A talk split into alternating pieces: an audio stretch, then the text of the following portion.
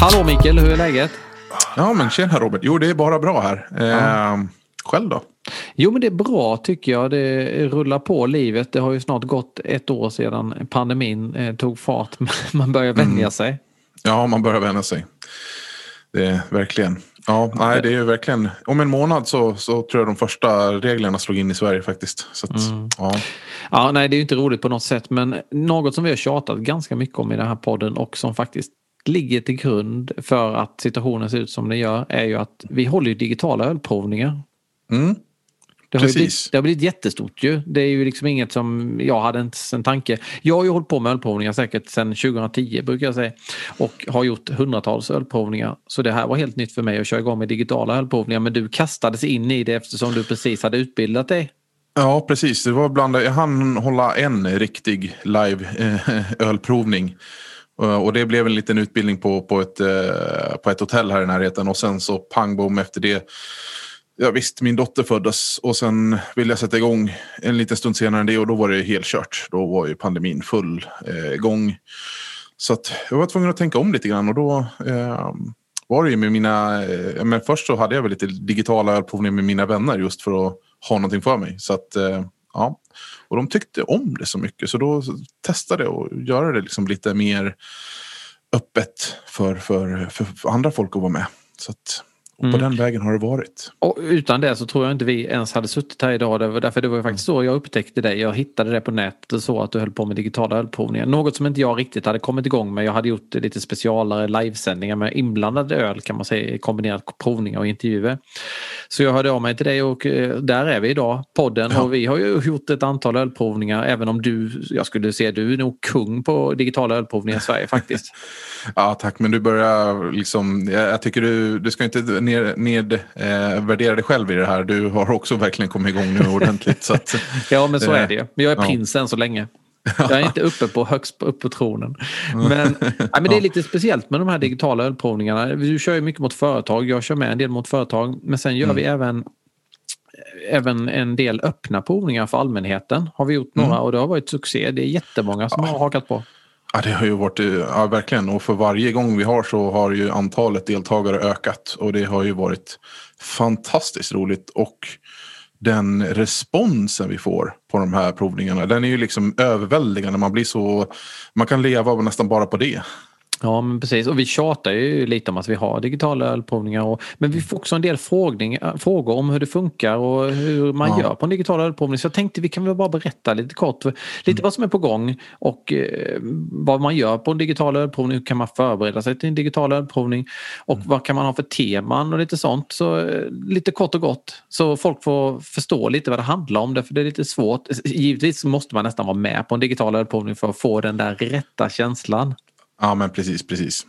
Men, men hur, hur börjar man Mikael? Hur, hur funkar det om vi tittar på våra öppna ölprovningar som vi kör för allmänheten? Brukar vi bygga upp det där? Ja, nej men först så tycker jag det handlar ju mycket om att välja ut vilka öl man ska ha till att börja med. Och då blir det ju också att försöka hitta ett tema.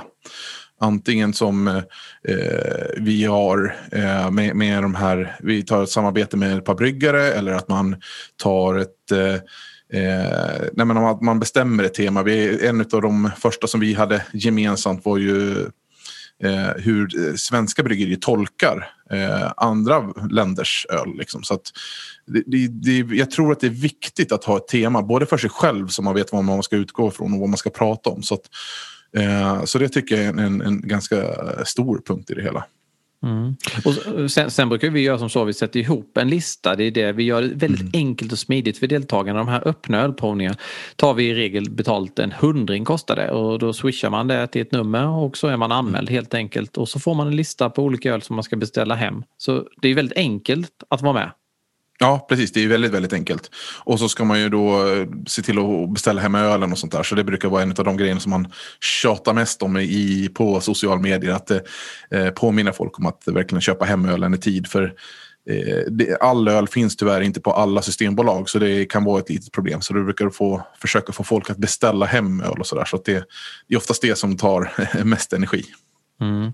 Ja, och det är liksom inte, ibland tar ju ölen slut som sagt var då. Och Mm. det, men det kommer fyllt på eh, igen och kommer in nya. Så man får lite tålamod. Men det är jättebra att vara ute i god tid om man känner att man vill vara med på någon av våra kommande ölprovningar.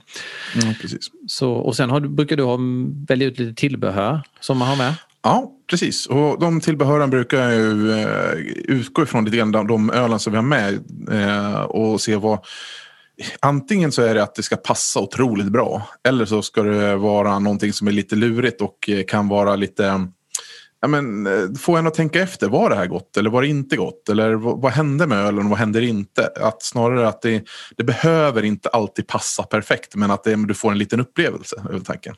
Mm. Men, men jag tänker så här, många sitter och tänker nu när de lyssnar på den här digitala ölprovningen. Är det verkligen lika roligt som en riktig ölprovning? Det, det är ju inte såklart samma sak, det kan man inte säga. Men Nej. alltså det vi har sett, vi ser ju ofta kamerorna, de har ju på kamerorna när vi kör vår sändning som är då stängd. Vi kör den oftast via Zoom, man får en länk på förhand. Man kopplar upp sig en halvtimme innan och sitter redo. Folk har ju feststämning hemma eh, Ja. och sitter liksom och är med. Ja men verkligen. Eh, vi, vi har ju våra provningar relativt tidigt, vid klockan fyra. Så att det blir ju lite sån här, en liten event innan, eh, innan kvällen. Liksom. Så jag kan tänka mig att en del har gjort ordning för middag på, och sådär. Eh, men in, innan det så, man sitter i soffan, många gör det. Eh, en del, jag har sett att en del har gjort ordning sina uteplatser med, stor, med bord och stor duk med, där de har projektor och visar upp. Ja, de har lite olika uppställningar men det, det, det är väldigt feststämning faktiskt. Det, det, ja. Ja men det är min känsla också. Det är ju att eh, folk liksom ändå ser det som att och, och det, jag, det här ska inte ersätta de fysiska ölprovningarna utan detta är ett komplement som jag ser det och vi Ja. når ju människor som kanske inte... Vi hade en provning och någon sa jag tycker inte om sociala sammanhang så det här är ju helt fantastiskt. Då kunde den här personen gå på ölprovning och känna sig inkluderad. Just det. Just det. Mm. Så det finns ju enorma fördelar också. Man ska inte bara se nackdelarna med allt det här digitala världen helt enkelt. Nej, och sen så en annan fördel. Alltså, eh, en vanlig ölprovning i, på det riktiga livet så måste man ju oftast ha en lokal. Och det kanske inte är den närmsta lokalen utan det kanske blir lite utanför, kanske på ett hotell eller liknande. Och då går ju priset upp. Eh, Så det blir ju ganska mycket dyrare för en enskild person att vara med på en provning. Och det krånglar till det många gånger för att ta sig till dit och ta sig därifrån kan jag tänka mig också. Så att det här så sitter man ju bara hemma utan att behöva tänka på att någon skjutsar en eller att man ska betala taxi och sådana här grejer också. Så. Ja, man behöver inte klä upp sig eller göra någonting egentligen. Man kan bara sitta, man kan bara ta på sig en skotta och sitta direkt. Ja, eller stänga av kameran också. Ja, och det är ju ett bara alternativ följa. också. Ja. Och på de provningar vi har stängda då så är det ofta så mycket människor så då har vi ju inte ens ljudet på. Alltså folk kan inte prata med oss och det funkar liksom inte när man är 400-500 pass. Det är helt... Det, det Ja, går inte. det- Det hade blivit ankdamm. Ja, nej, det hade, nej, det går tyvärr inte. Det, där, där, men där tycker jag det, det funkar ganska bra ändå med den här eh, chatten som är. Uh, där man har möjlighet att sitta och skriva sina frågor istället. Eh, så att det blir direkt interaktivt. För annars kan vi lika gärna spela in en YouTube-video och försöka släppa.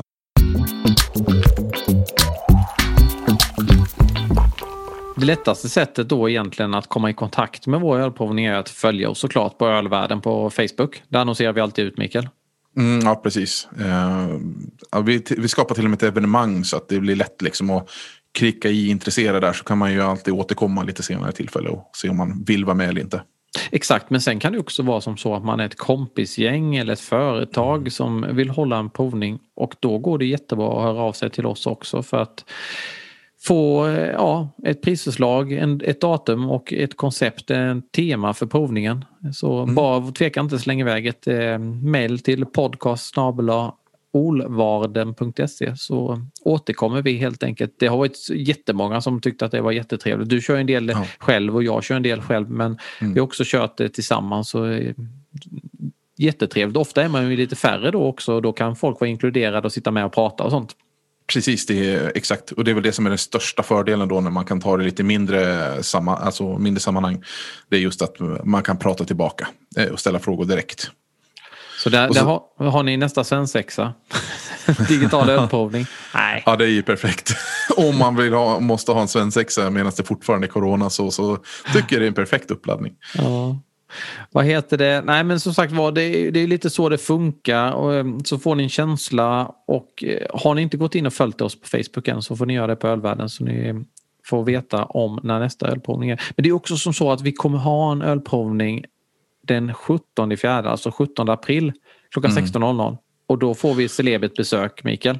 Ja, det får vi verkligen. Nej, men det, det ska bli jättekul att, att få in en, en sån här, ska man säga, världsvan eh, gäst ändå. Liksom. Så det, ska bli, det ska bli jättekul. Ja, vi kan inte sitta och hålla på vem det är. Det är Edvard Blom som kommer vara med oss. Och han är ju mathistoriker och författare och föreläsare. Och jag vet inte allt. Nej, han har väldigt mycket på sin CV. Och öl kan han ju definitivt. Så det ska bli väldigt roligt att eh, få in och få ställa frågor till honom och liksom känna, ja men höra lite grann vad han tycker och tänker runt i det, det temat vi kommer köra sen också. Mm. Och då kommer det bli du och jag och så Edvard Blom då som sitter och eh, pratar öl helt enkelt. Så den 17 fjärde in och läs på Facebook om denna provning och den kommer kosta 100 riksdaler precis som de andra provningarna. Ja, Och det är svenska smaker. Vi kommer prova sju olika öl från svenska bryggerier. precis. Och den här gången så kör vi lite längre än vanligt. Vi kör två timmar istället för en och en halv till och med. Så att, mm. Jag tänker Edvard kan prata och det kan ju vi också såklart men Ja. jag tänkte det är lika bra att ge utrymme så liksom vi får med allting. Ja, komma precis. frågor och sånt. Exakt, så att det, det, och det är väl framförallt det. Att eh, folk ska få möjligheten att ställa frågor. För jag kan tänka mig att det blir en del. Precis. Ja, men det var jättekul. Hoppas ni har fått lära er lite mer om hur en digital ölprovning funkar och tveka inte att höra av er till oss om ni har några frågor eller funderingar kring detta. Som sagt var, glöm inte boka den 17 fjärde i kalendern om ni inte redan har gjort det. Och så kan vi nämna om man är Patreon, alltså att man stöttar podden med 5 dollar eller mer, då har man faktiskt fri access till alla våra digitala ölprovningar. Ja, det, det, det är en otrolig ra- rabatt. Ja det är det Faktiskt. faktiskt. Ja, därför vi, nu har vi faktiskt haft ölprovning en, en till två gånger i månaden. Så Ja, man går ordentligt plus om man gillar ölprovningar. Ja, ja men så är det verkligen. Eh, Mm. Det, Och så stöttar man vårt lilla projekt därför vi ja, eh, precis. tjänar inte så mycket pengar på det här annars. Så det gör att vi kan betala poddhotell och utveckla våra mikrofoner och ja, komma på nya spännande idéer helt enkelt. Ja, men precis.